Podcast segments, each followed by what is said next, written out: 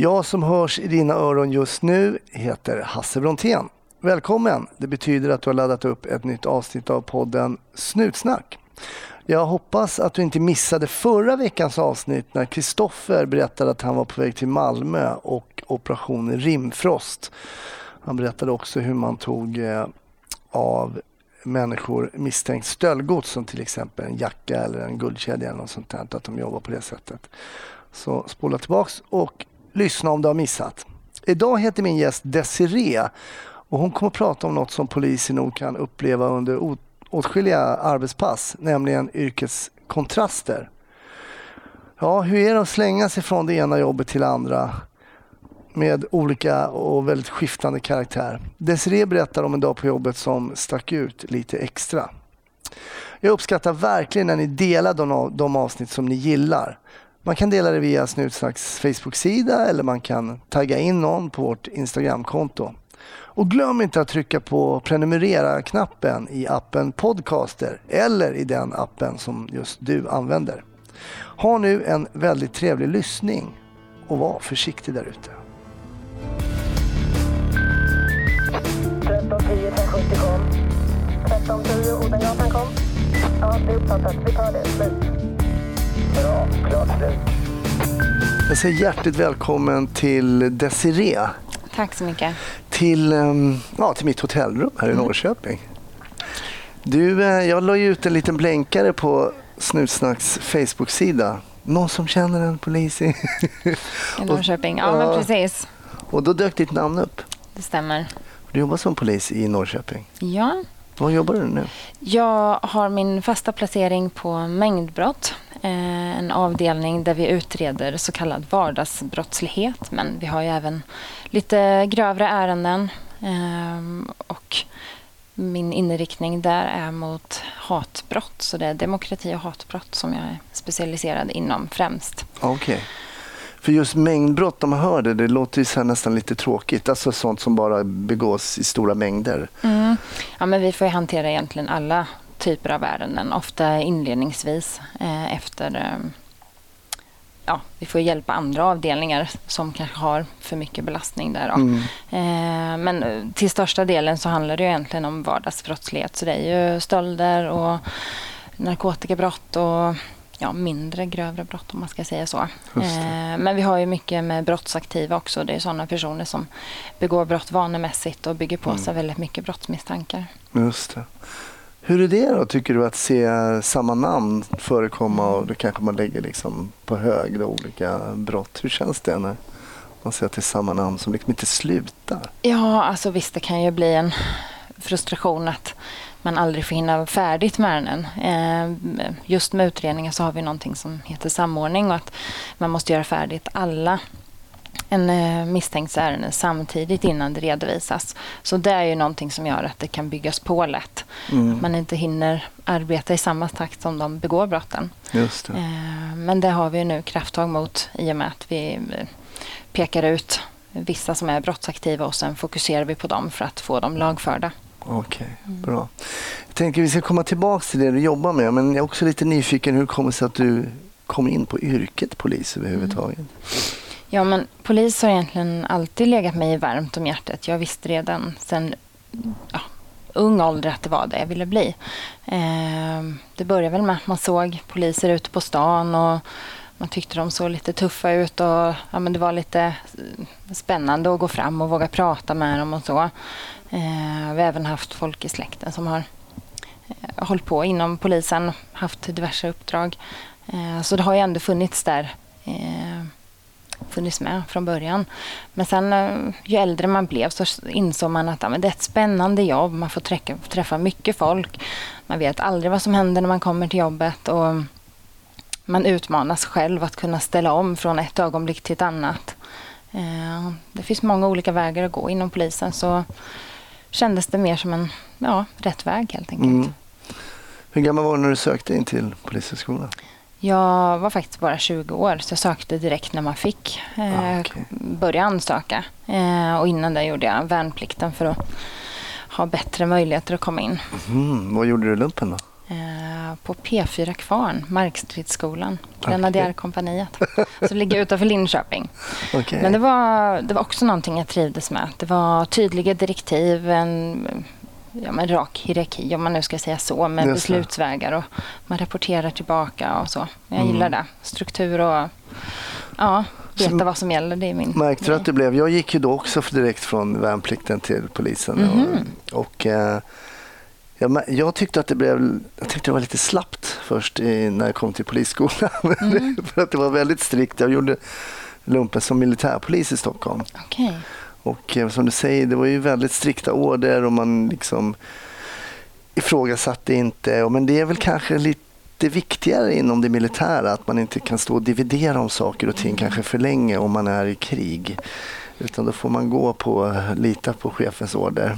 Jo, men så kan det ju vara. Så funkar det lite även inom polisen kan jag tycka. Mm. Eh, och med all rätt. Att I vissa lägen så har man inte tid att stå ta in allas åsikter och fråga hur känner du, vad ska vi göra? Utan då är det liksom hela handen som gäller. Och nu, nu gör vi det här och då är det ofta den som är äldst i, alltså förman i patrullen, den som är äldst i tjänst som, som har den rollen. Mm. Om inte yttret går in då. Just det. Jag kommer ihåg, det var nästan en chock när jag kom till eh, så kallade kulturvärlden och började då bara det att jag gick någon sån kurs då i stand-up comedy och då var det så här, ja, på tisdag ska du uppträda på Norra Brunn och då var folk så här, du Desiree och då, nej men jag är inte jag känner mig inte redo på tisdag. Jag är inte mentalt... Nej, men då får du byta. Och jag var inte alls van. Det var precis som du sa, det var hela handen. Ja. Det var så här, Brontén, följande gäller. Du gör tio armhävningar och sen mm. plockar du sig vapnet. Och sen... Ja, men man hade ju inget val. Det var bara, nu gör du det här. Okej, okay. så fick det bära eller brista. Så man har fått vänja, in, vänja sig in där. Okej okay då, men sen antar jag att du precis som alla andra började jobba på ordningspolisen när du var färdig? Ja, men det stämmer. Eh, och det var ju, då flyttade jag tillbaka från Stockholm efter jag hade pluggat färdigt på skolan där. Mm. Eh, började jobba på IGV Norrköping. Åkte radiobil några år. Det var jätteroligt. Oj det. Ja, men det är ju där alla vill vara. Köra blåljus och ja, men, få komma fram som räddaren i nöden. Det har väl alla drömt om. Jaha. Eh, har du gjort det någon gång? Kommit fram som räddare i nöden? Ja, men det har man ju gjort.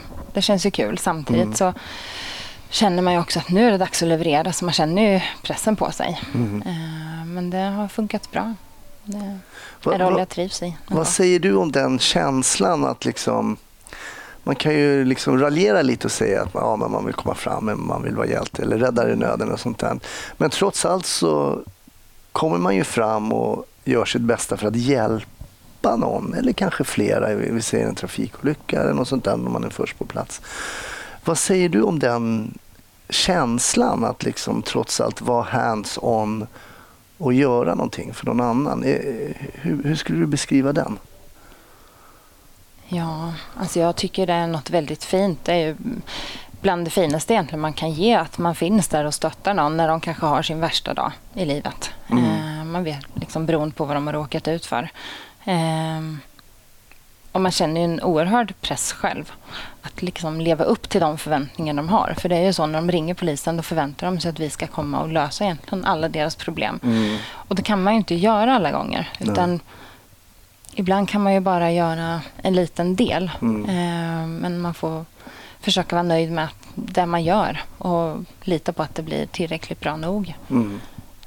Fanns det någon oro att komma som ja, ganska nyutbildad polis till exempel, komma till IGV i Norrköping och åka på de här jobben. Man är ju så att säga på pappret, man är utbildad, man har lärt sig första hjälpen, man ska sätta upp någon triangel. Om, mm. Fanns det någon oro att åka ut på de här jobben ändå i början? Liksom? Så här, är jag verkligen redo? Ja, men det finns det nog för alla. Även om många kan lägga till med någon matchattityd och känna sig värma i kläderna direkt. Men det tyckte inte jag att man hade. Det tog nog något år innan man liksom hade fått åka på en, en viss antal ärenden. Liksom det är, I och med att det är en sån varierande vardag så är det inte som att man gör samma sak tio gånger om utan Nej. man kastas från det ena scenariot till det andra och sen kan det dröja en stund innan man är med om det igen. Så då blir det nästan som att ja, det är första gången i alla fall. Så innan man får in vanan och känner sig trygg med att man har, fått, man har gjort allt man kan, fått med alla uppgifter. Eh, ja, men liksom känna sig trygg mm. i, klä, i uniformen.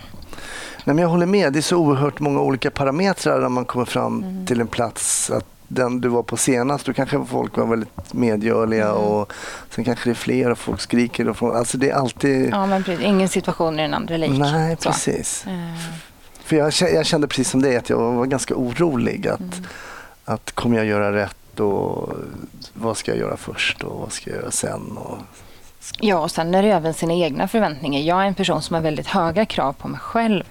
Att jag vill att det ska bli ja, men, perfekt egentligen. Mm. Nej, men, eh, och då känner man även mot kollegor att man ville eh, bevisa att man kunde, att man hade koll på all lagstiftning och mm. eh, man visste exakt vad man skulle göra, vilken roll man skulle inta beroende på vem man jobbar med och så. Men det är också någonting som kommer med tiden, att man känner in vem är jag eh, som polis. Mm. Ja, men jag kanske är den mer som sitter och tar de här långa förhören, möter en målsägare som har blivit slagen i sitt hem och vågar gå in i den rollen medan andra kollegor kanske hellre ja, bryter dörrar eller mm. liksom mm. Snabbare. snabba fram och gripa person eller så. Ja, men det är intressant. att det, Du menar att det tar en tid att hitta sin egen yrkesroll, var man är i det polisiära. Ja, men det liksom. tror jag. Det, tro, det tror jag Hur man hanterar olika situationer. Det är många saker mm. som man inte har varit med om för att det är ett så speciellt yrke. Det är inget mm. man kan förbereda sig på heller um, innan man börjar. Utan... Hur länge skulle du säga att det tog dig att, um, att, börja liksom, att det började sätta sig? Att du kände att det här är liksom polisen, Desiree, när hon är på jobbet? Mm. Ja, nej men det tog nog i alla fall ett, ett och ett halvt år tycker jag. Mm. Just för att eh, ja, men det, det, kan gå så långt emellan. Man gör vissa saker så att det känns som att man gör det från första gången igen. Mm. Ehm, men ja, men bara det att när man kommer ut från skolan och man får alla blickar på sig, det är man ju inte van vid. Att det är ju som att jultomten kommer på, på Drottninggatan här. Alla vänder sig om och tittar. och ja, men du vet, man, man hade, helt plötsligt har man vapen och man ska gå och ha koll på så att ingen får tag på det. Och ja, men radion och det var Ja, men det var mycket bara att liksom vänja sig in vid till en början. Så att, ja. Bara gå och stå tänker du? Liksom, att vara ja, avslappnad i det? Och... Ja, men att bekväma att alla tittar eller folk som ja, filmar ingripanden och sånt. Och då känner man ju också det här Just det. Liksom, press att man, ja, men titt, för som polis får man ju sällan möjlighet att försvara sig. Jo, men vi agerar så här på grund av det här. Det, det missar ju ofta människor. Vad har hänt innan? Exakt. Utan de kanske kommer fram eller går förbi ett läge när man måste bryta ner en person för att få kontroll på honom. Mm. Att, liksom, för att inte varken vi eller den ska bli mer skadad.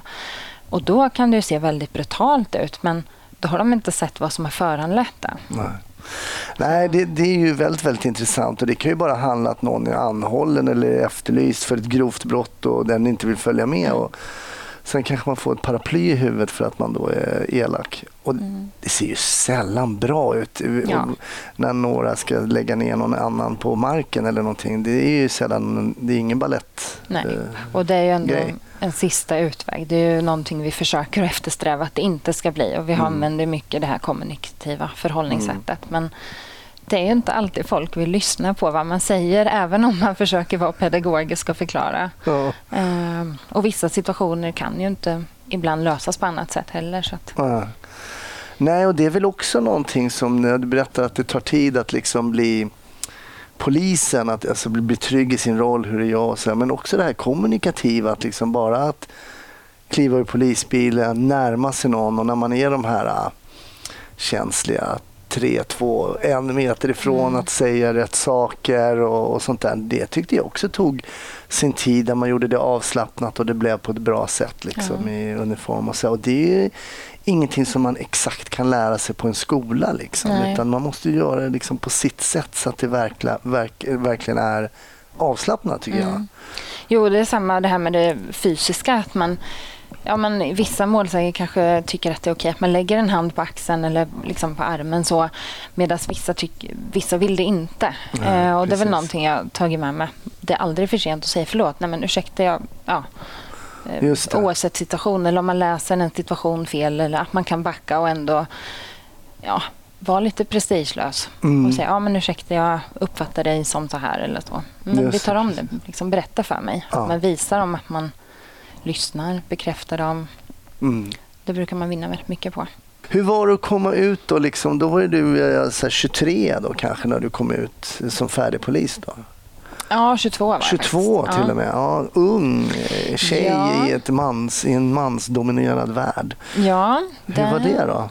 Jo, men det fanns ju en eh, nervositet inför just att bli accepterad, att man som kvinna faktiskt klarar av, en kvinnlig polis, faktiskt klarar av att göra samma saker som män. Mm. Ehm, det var någonting som var väldigt viktigt för mig även under skoltiden, liksom att visa att man klarar av testerna på deras premisser. Att man eh, liksom, ja, klarar hinderbanan på killarnas tid och man skulle inte klara på tjejtiden utan Ah, okej, att man ska visa att man är minst lika bra. Ja, men liksom, Hade har- du, satte du dig, den pressen den på dig själv? krav- Ja, liksom? eller Ja. upp de kraven. Liksom. Mm. Och det, det hade nog känts tufft för min del om man inte gjorde det. För jag kände jag vill inte ha några fördelar så eller åka någon mjölkfil. Ja, okej. Sen är det ju, ja men vissa saker är ju kvinnor mm, kanske svagare i.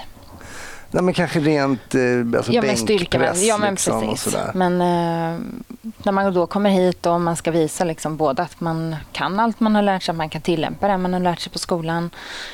Men och sen eh, ja, men kunna visa framfötterna och briljera på vissa saker. Det kändes viktigt för mig. Mm. Eh, men ja, Men blev du väl emottagen? ja, absolut. Det blev jag.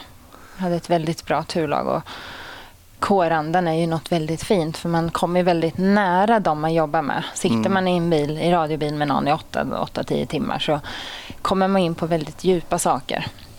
Det är inte bara väder och vad vi ska äta idag som man kommer in på utan man Nej. avhandlar ju mycket med mål och drömmar och familj och, Och gör så. man det flera år? Ja, men då skapar Men- man en väldigt nära relation till dem man och det är intressant när du säger att kåranda är något väldigt fint för att det är ju när man läser det i tidningarna så är det oftast kanske att man syftar på någonting fult. med. Mm. Att kårandan är någonting man sluter sig och man vänder sig. Det är bara vi och resten är ännu icke häktade personer. Ja. Så tycker inte jag det i alla fall. Eh, för mig har det varit väldigt skönt. Om man har varit på något ärende som har berört en så har man ju, det är liksom varandra vi förlitar oss på. Eh, att se till att vi mår bra i gruppen. Eh, sen finns det ju annan hjälp man kan få också om det är något riktigt eller allvarligt där när man har varit på med debriefing och så. Men Mm. ofta så pratar man ju med, med de man åker med. De som står en närmst. Och det, ja, det är de man tar stöttning av. Precis. Det är väl, det är väl, ehm, det är väl så såklart inom eh, de flesta yrkesgrupper att man förstår varandra. Så, men i och med att polisyrket är så speciellt som kanske brandman eller läkare också på, så har man ju en speciell förståelse för svårigheterna eh, kring ett yrke som är så pass komplext ändå. Mm. Ehm, man får åka hit och dit. Och... Men du slutar ju på ordningen. Du, du, hur länge är du på ordningen då och jobbar? Vet du, jag är nog bara på ordningen i några år. Mm. Eh, sen efter det vart vi ju skickade på bristort ett år. Okej. Det var ju så. Vad innebär det då? Man får eh, arbeta på ja, men en mindre ort. Eh, jag blev skickad till Finspång. Mm. Hur kändes det då?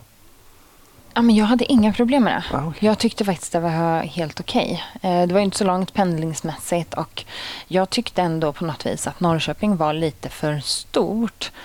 eh, I den bemärkelsen att ja, men med personkännedom. Mm. I Finspång var det mindre. Mm. Eh, Man fick en helt annan koll på ja, men busarna eh, men även på vanliga medborgare, ja, men handlare och eh, ja, KRIS till exempel, de som jobbar där och Mm. frivilliga or- organisationer och sånt. Man hade kontakt med fritidsgårdar.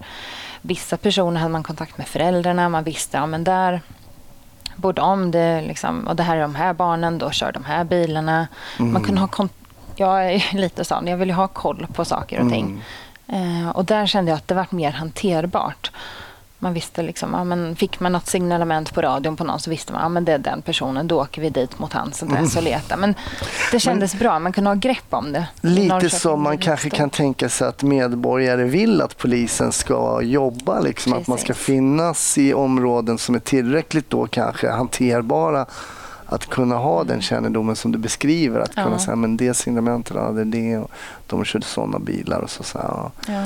ja, men det kan jag ju helt köpa. Att man får en helt annan, ett helt annat grepp på det området där man jobbar. Ja, det känns ju roligt för en annan, för en själv också. Man mm. vet.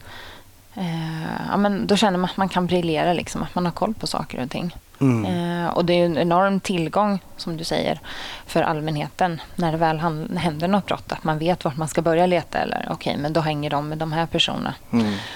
Att man snabbt kan var det den tydligaste skillnaden för dig att flytta från Norrköping då, som en större stad och jobba i Finspång som då är mindre? Att just den här um, att få en helhet som är mer greppbar? Ja, det var det. Och personkännedomen. Man lär känna ja, men de man ingriper mot. Man får mm. en bättre kontakt med dem också. Man träffar dem inte bara en gång och sen ser man dem aldrig igen utan man kan följa upp hur går det för dem. Man hade kontakt med SOS eller ja, kyrkan ibland. Eh, mm. Och så kunde man samordna insatser med dem mot eller för den misstänktes skull eller anhöriga eller speciellt när det gäller barnärenden. Så det, ja, men med skola och så. Det var, jag tyckte det var kanonbra. Mm. Hur länge fick du jobba ja, där? Det var ju ett år man, ett år. man blev skickad på det. Mm. Och Sen kom jag tillbaka till ordningen ett år till eh, innan eh, de tyckte att jag skulle gå in och köra utredning. Mm. För jag tyckte det var, det var någonting jag tyckte var väldigt roligt också, just det här med förhörsbiten, både med målsägare och misstänkta. Mm. Men det är någonting som, i alla fall när jag, nu gick jag i skolan för ganska länge sedan, men jag tyckte nog att det var för lite utbildning kring att hålla förhör. Alltså för, för hålla förhör är ingenting man det är ju liksom en konstart mm. nästan. Ja, nej, men det här är någonting man måste bli bekväm i. Det ja. är det, absolut. Tålmodig och ställa rätt frågor i rätt ordning på rätt sätt. På rätt sätt mm. liksom. Och med lite taktik. När ska man ställa vissa frågor? I vilket skede?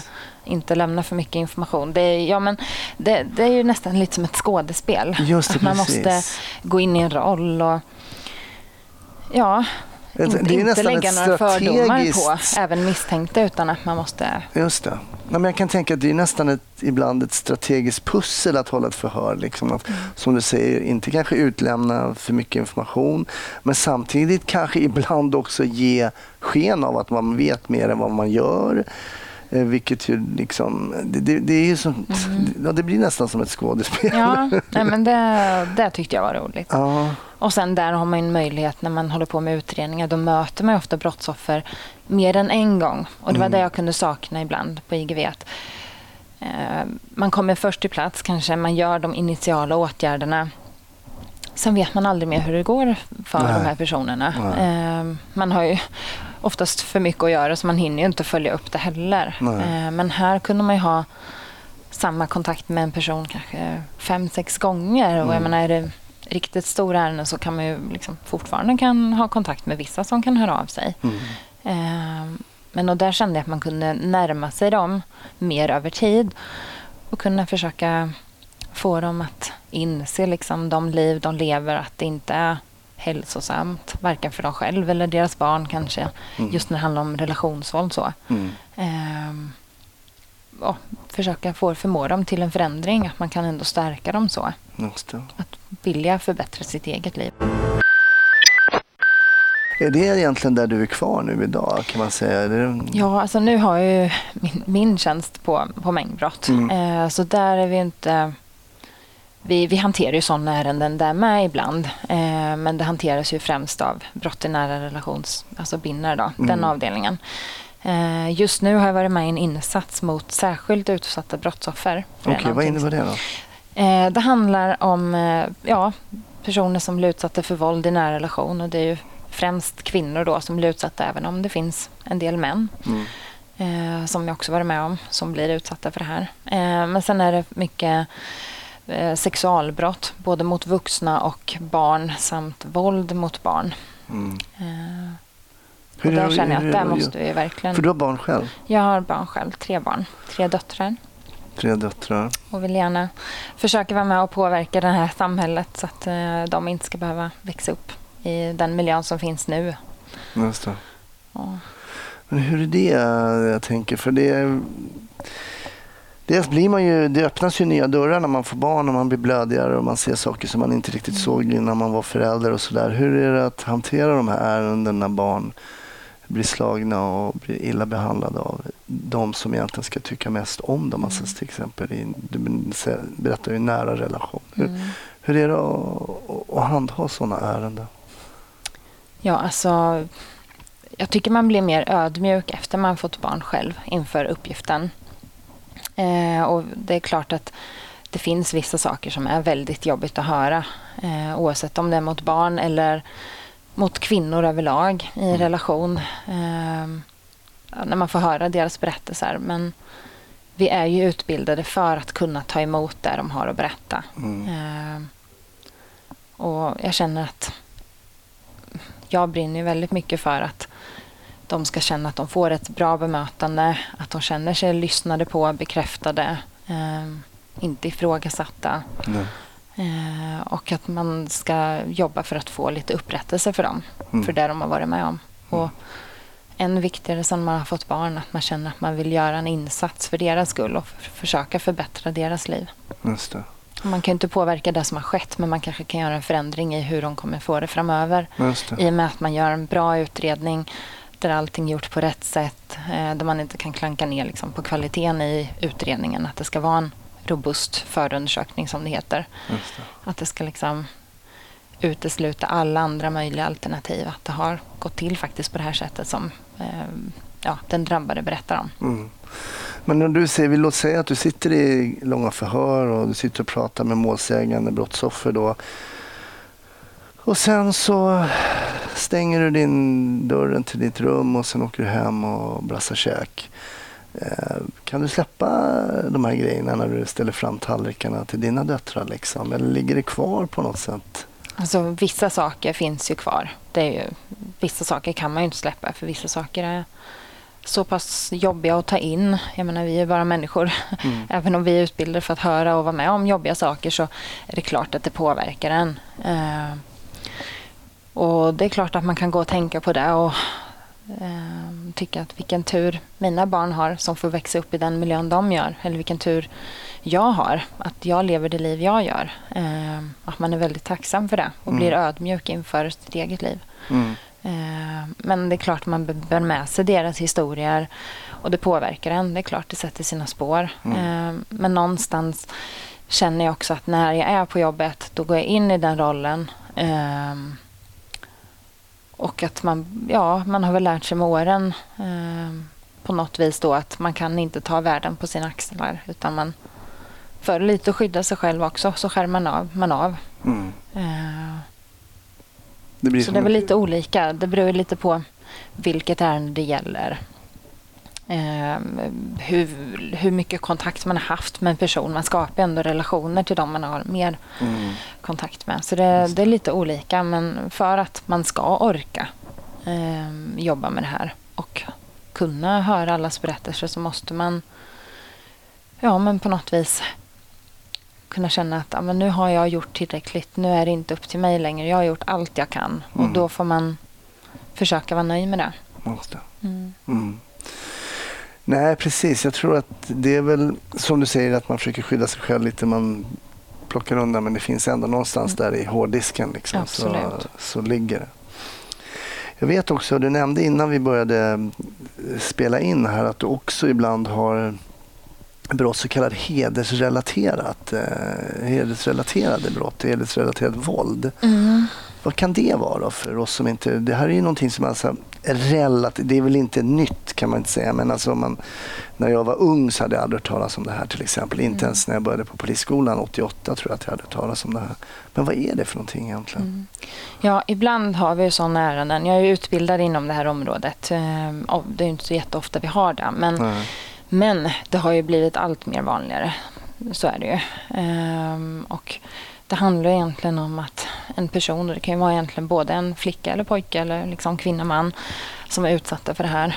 ehm, I sin familj egentligen då, av släkten. Man eh, blir kontrollerad eh, på det sättet att man kan bli begränsad i sina ja, men, vanliga fri, eh, mänskliga fri och rättigheter att röra sig, att vara på vilken plats man vill, att delta i skolaktiviteter och idrott och träffa vem man vill, älska vem man vill. Eh, ja, Och också bli egentligen- kontrollerad med våld Ja, då, ja men säga. både det, eh, hot, eh, att man eh, Det kan vara att man hotar att man ska gifta bort dem. Man Mm. ska att de utsätts för våld eller att de blir ännu mer inskränkta och de har någon som övervakar en eller Mm. Följer allt man gör. Man kanske inte får ha en telefon, ha kontakt med kompisar. Eh, Ja, men får följa med på skolutflykter, delta i idrott eller vara kvar, vara med i fotbollslag eller vad som helst egentligen.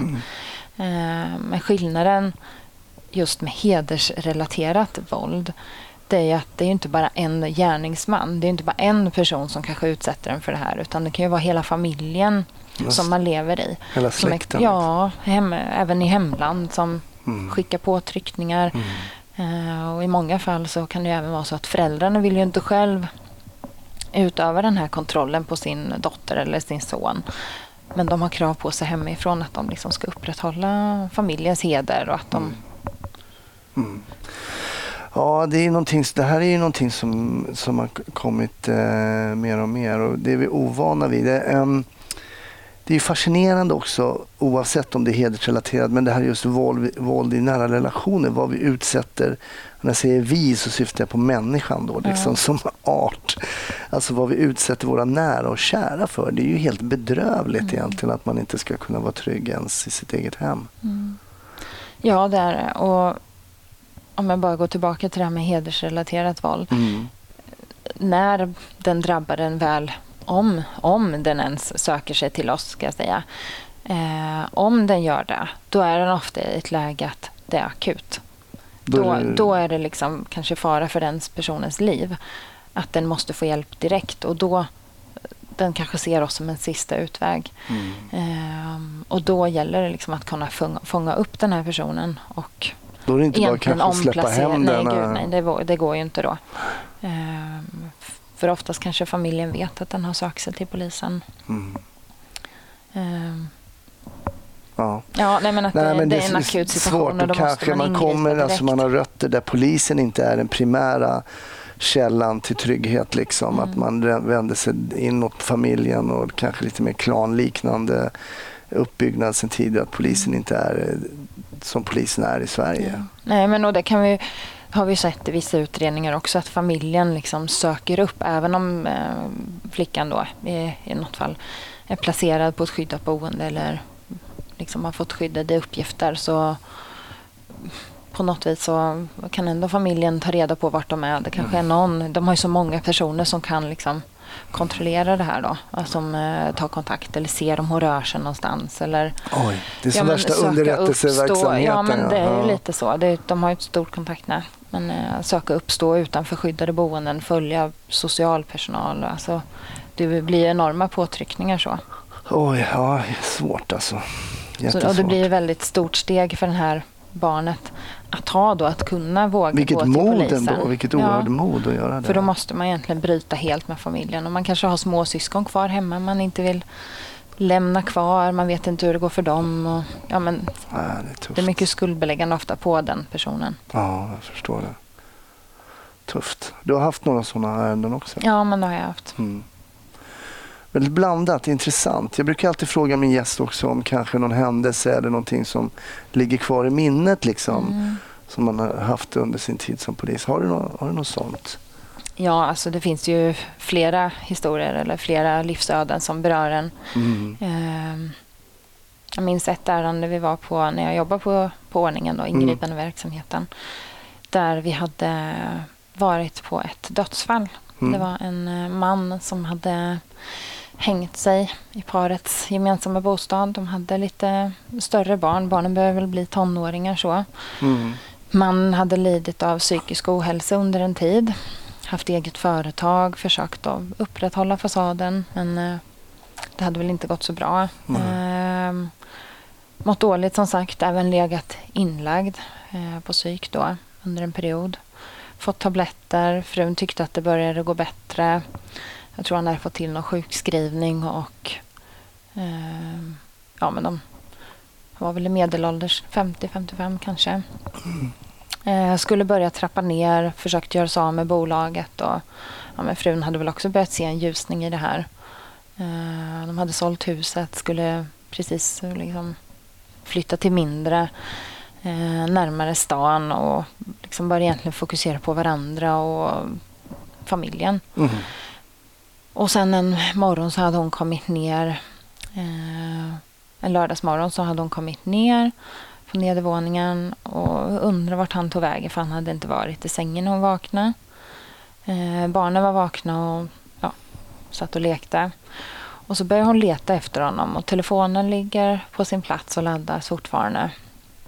Och så går hon ner i garaget och då eh, hittar hon honom där han hängt sig. I en träbalk där. Eh, kall och blå. Red, eller liksom likstel så redan när hon hittar honom. Mm. Så hon ringer till oss och vi får komma dit. Eh, och det är ändå något som har påverkat mig. När man ser henne så förkrossad. Hon trodde liksom att Mm. nu var det deras tid. De skulle få det bra igen. Och han hade blivit piggare och mått bättre på sista tiden. Och så där står vi och vi får ju vänta in tills de här eh, Politi eller? politin kommer då. Eh, som ska transportera kroppen sen och läkaren kommer ju också. Och när vi har tagit ner honom så ligger han där på britsen och barnen och hon ska ta ett sista farväl av honom. Mm. Eh, och då ramlar det ut en, en lapp ur hans ficka. Ja. Eh, som är ett avskedsbrev till henne och barnen. Då. Okej. Och hon står ju och läser det här högt för att barnen ska höra. Och jag minns att både jag och min kollega började gråta. Det var så gripande och jag känner att jag blir fortfarande idag rörd av det. Eh, Mm. Men han, han ville liksom att de skulle få ett bättre liv utan, utan honom och han ville inte belasta dem mer. Och, och så skrev han liksom deras planer som de hade haft tillsammans och att han ville att hon skulle åka på den där semesterresan med barnen och att de kunde få njuta av det här och ja, att han skulle titta på dem uppifrån och så. Oj. Ehm, Så det var väldigt starkt. Om liksom, Alltså rätt där och då in i ett så är det ju. Ja, men som tragedi. Ja, tragedi. Liksom. Ehm, om man står där och delar sorgen med dem. Mm. Och då hade, vi, hade jag inte jobbat så länge, det kanske var två år. Ehm, Mm. Och man blev så pass påverkad att man faktiskt fäller ett par tårar och jag kände att det var okej. Och sen i efterhand kom jag ihåg att jag... Nu reagerar ju inte det vi pratade om innan, att alla reagerar på olika sätt och man vet inte vilken, vad man kommer att möta. Eh, Man visste inte hur hon skulle ta det. Liksom, skulle hon tycka, men vad står ni här och tjuter för? Liksom, Ja, det är inte, Det är inte er pappa. Nej men precis, varför, varför är ni ledsna? Men det var så pass starkt när man delar den sorgen med dem. Mm. Eh, och det kändes okej att göra det då. Det är ingenting man kanske kan kontrollera heller. Mm. Inte att överta deras, men att ändå fälla en tår. Och det kändes som att det ändå passade väl in i situationen där. Eh, Det här är inget som man direkt har utbildning för. nej, men alltså det... Komma Nej. på sån här eh, helt absurd egentligen situation eh, när en pappa Mm. i sitt hem och sen kan man ju ha många frågor till varför man gör det i garaget framför Ja, barn och så. ja, men precis. Men, Men, men, men. Mm. det finns nog kanske inte så mycket logik i en persons Nej. tänk just då kanske. Eh, nej, så, men det, hon var ju väldigt nöjd över vårat bemötande och, och tacksam och kramade om oss efteråt. Och, så det kändes ju rätt där och då. Men i en annan situation kanske det inte hade varit rätt. Nej. Eh, men det är någonting jag minns väldigt väl också för att när vi sen ska lämna adressen och de har ju fått dit präst och, och sånt också och anhöriga har kommit dit för att ansluta då, så får vi ett nytt ärende på väg in till stationen. Och då får vi ett hedersrelaterat ärende där en eh, utländsk mamma slår sin fyraåriga dotter blodig i trapphuset och grannarna ringer för de, är ja, de vågar inte gå ut. Både mamman och pappan är ute och gapar och skriker i trapphuset och slår det här barnet och sen släpar in henne genom att dra henne i håret in i lägenheten och stänger dörren. Och sen hör vi ju, eh, för då hade vår ja, ledningscentral kopplat upp samtalet så att vi får prata direkt med eh, då fick vi prata direkt med grannen som står utanför dörren och så hör man den här lilla flickan som skriker i bakgrunden och då brast det för mig. Mm. Då kunde inte jag hålla tillbaka tårarna utan då och jag känner fortfarande även idag att det är jättejobbigt. Mm. Eh, men då sa jag till min kollega att nej, jag kommer inte klara och, och det här. Nej. Jag kommer inte kunna uppföra mig professionellt. Oj, om du vi kände åker det? Ja. ja, men det var liksom att kastas från det där ena ärendet. Då ska man bara ruska av sig det då. Ja, men precis. Och det, det, handlade, alltså, det var inte ens tio minuter ifrån att vi hade lämnat adressen. Ja, det var inte så länge tills att vi skulle åka till den här andra där någon precis har förlorat liksom, sin pappa, den de älskar och sen slängas in i en situation där någon skadar det finaste man har. Mm. Och då kände jag att det där går inte. Så som tur var så jag sa det till min äldre kollega och han höll, höll ju med. Han sa ju, det är jag rätt tacksam för nu att han inte... För det finns, man, man tror att det ska finnas en väldigt stor machokultur inom polisen. Mm. Eh, och jag tycker att den har väl blivit mindre med åren. Det kanske mer var så förr. Men Mm. eh, just nu, jag tycker det är mer vanligt att även män vågar visa känslor och säga till att nej men du, fy fan, det här var inte kul det här ärendet och jag kan vi sitta och prata lite om det här. Mm. Eh, men han höll ju med, så vi fick ju ropa på en annan bil som fick åka dit. Eh, Mm. och efter man hade liksom fått lite distans till det så ville man ju ändå höra hur har det gått mm, i det här ärendet. Och då, då var man liksom beredd att kunna motta det som berättades. Hur Då hade var det man gått redo. då? Ja, det hade ju inte gått så bra. Men man, eh, hon hade ju blivit misshandlad. Eh, en liten flicka för att hon hade varit ute och lekt med några pojkar på gården och det fick hon inte göra. Nej. Och så hade hon tagit av sig sin sjal så att de hade sett hennes hår. Och det var därför mamman då hade varit ner och hämtat dottern på gården. Då, så att grannarna hade egentligen sett hela skeendet då, från gården upp. Just det. Blev flickan, alltså omhändertog man Ja, flickan? Mm. eh, SOS hade blivit kop- inkopplad så att de hade ju omhändertagit barnet direkt. Mm. Eh, sen blev ju föräldrarna gripna. Men sen vet man ju inte hur det gick med för den, Nej. nej, den för det barnet. Men oerhört eh, intressant. Bara du har ju plockat nu egentligen en dag och ur den dagen några timmar. Ja, Hur, ur en, en polis liksom, yrkesliv. Och man märker ju när du berättar det här att du sugs tillbaks till det här väldigt emotionella. Dels med pappan, avskedsbrevet, döden, barnen. Och sen då slängs man om till någonting som är helt tvärtom när nästan föräldern önskar dö, livet ur sitt barn nästan. Det är ju otroliga kontraster. mm. Och det är sånt som mina kollegor är med om varje dag. Mm. Eh, och kanske liksom ännu, ännu grövre kontraster. Men, Mm. Och det är ändå det som gör att man vill jo- jobba med det här. Att man Mm. vill kunna finnas där när folk är drabbade och att Mm. man snabbt ska kunna ställa om från ett scenario till ett annat. Men det är inte alltid utan, utan ansträngning man gör det och det är inte alltid man kan lämna vissa ärenden bakom sig heller. Nej. Utan det påverkar och det kryper in.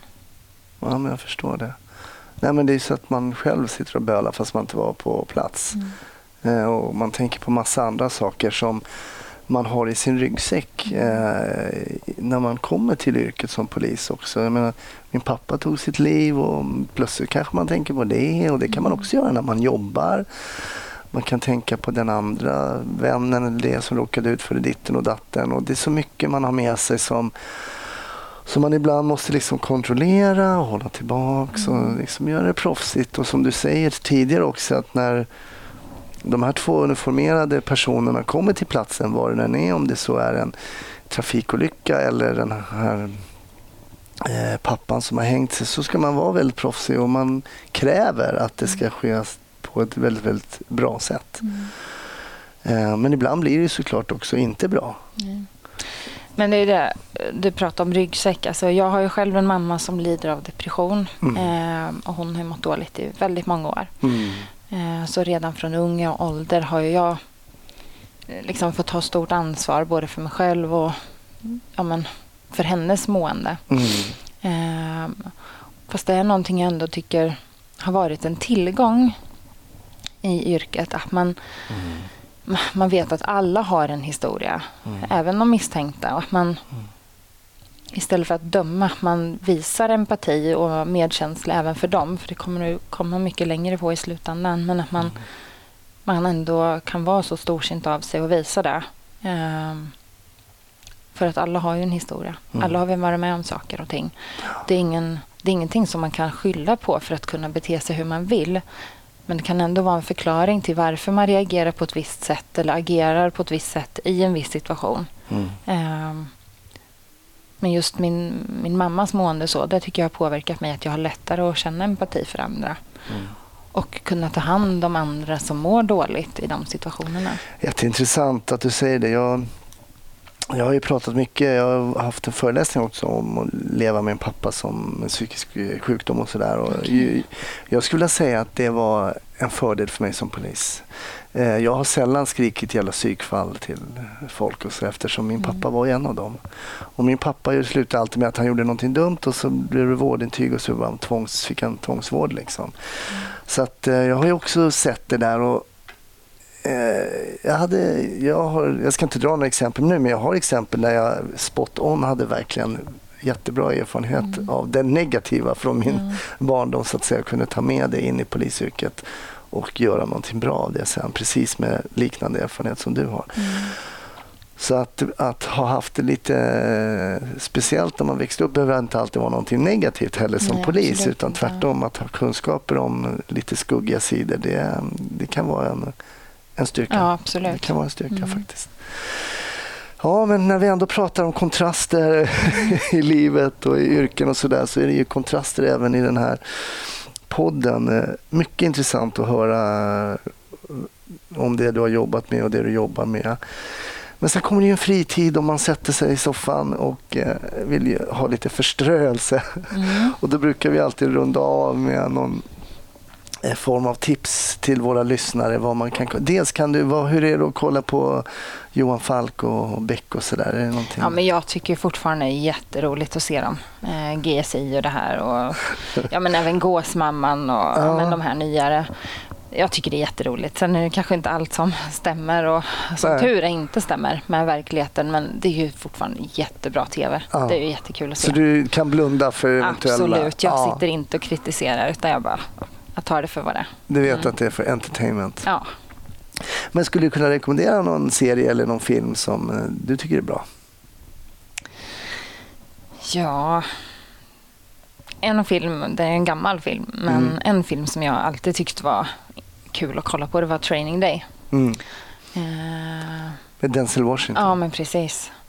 Men där är han ju inte en bra polis. Nej, det är han inte. Men just det här med stereotypen att den macho-polisen att han, liksom, att han vinner i slutändan. Det gör han ju inte. Utan det är den här ljusa killen. Jag kommer inte ihåg vad han heter. Ja, just det. En, det är, nej, det kommer inte jag ihåg. Ja, men eh, han kom ju in där och han är ju grön då som de säger. Och han ska ju läras upp av Denzel då.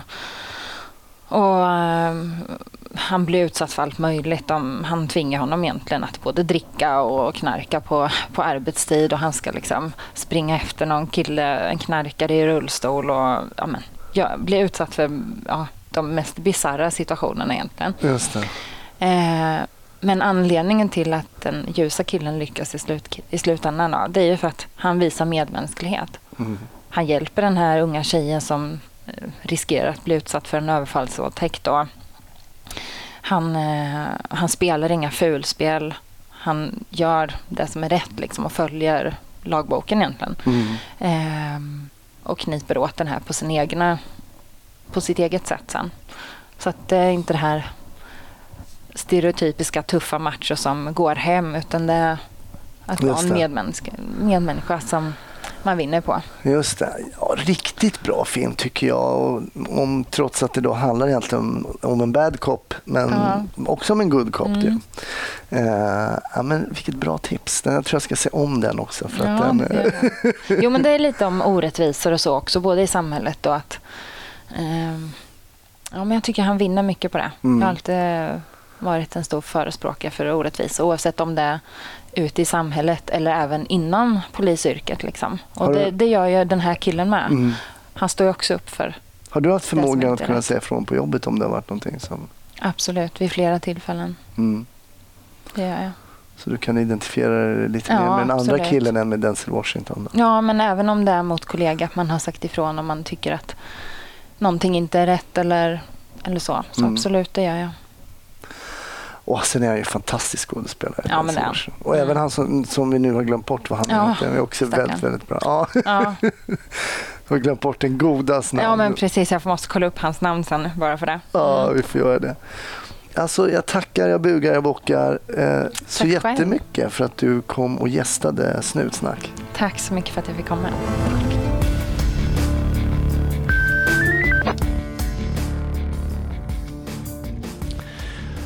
Stort tack för att du lyssnade på Desiree och eh, om kontrasterna i polisyrket. Det är bara en vecka kvar, sen kommer ett nytt avsnitt av Snutsnack och jag hoppas verkligen att vi hörs då. Ha en fantastisk vecka. Hej då!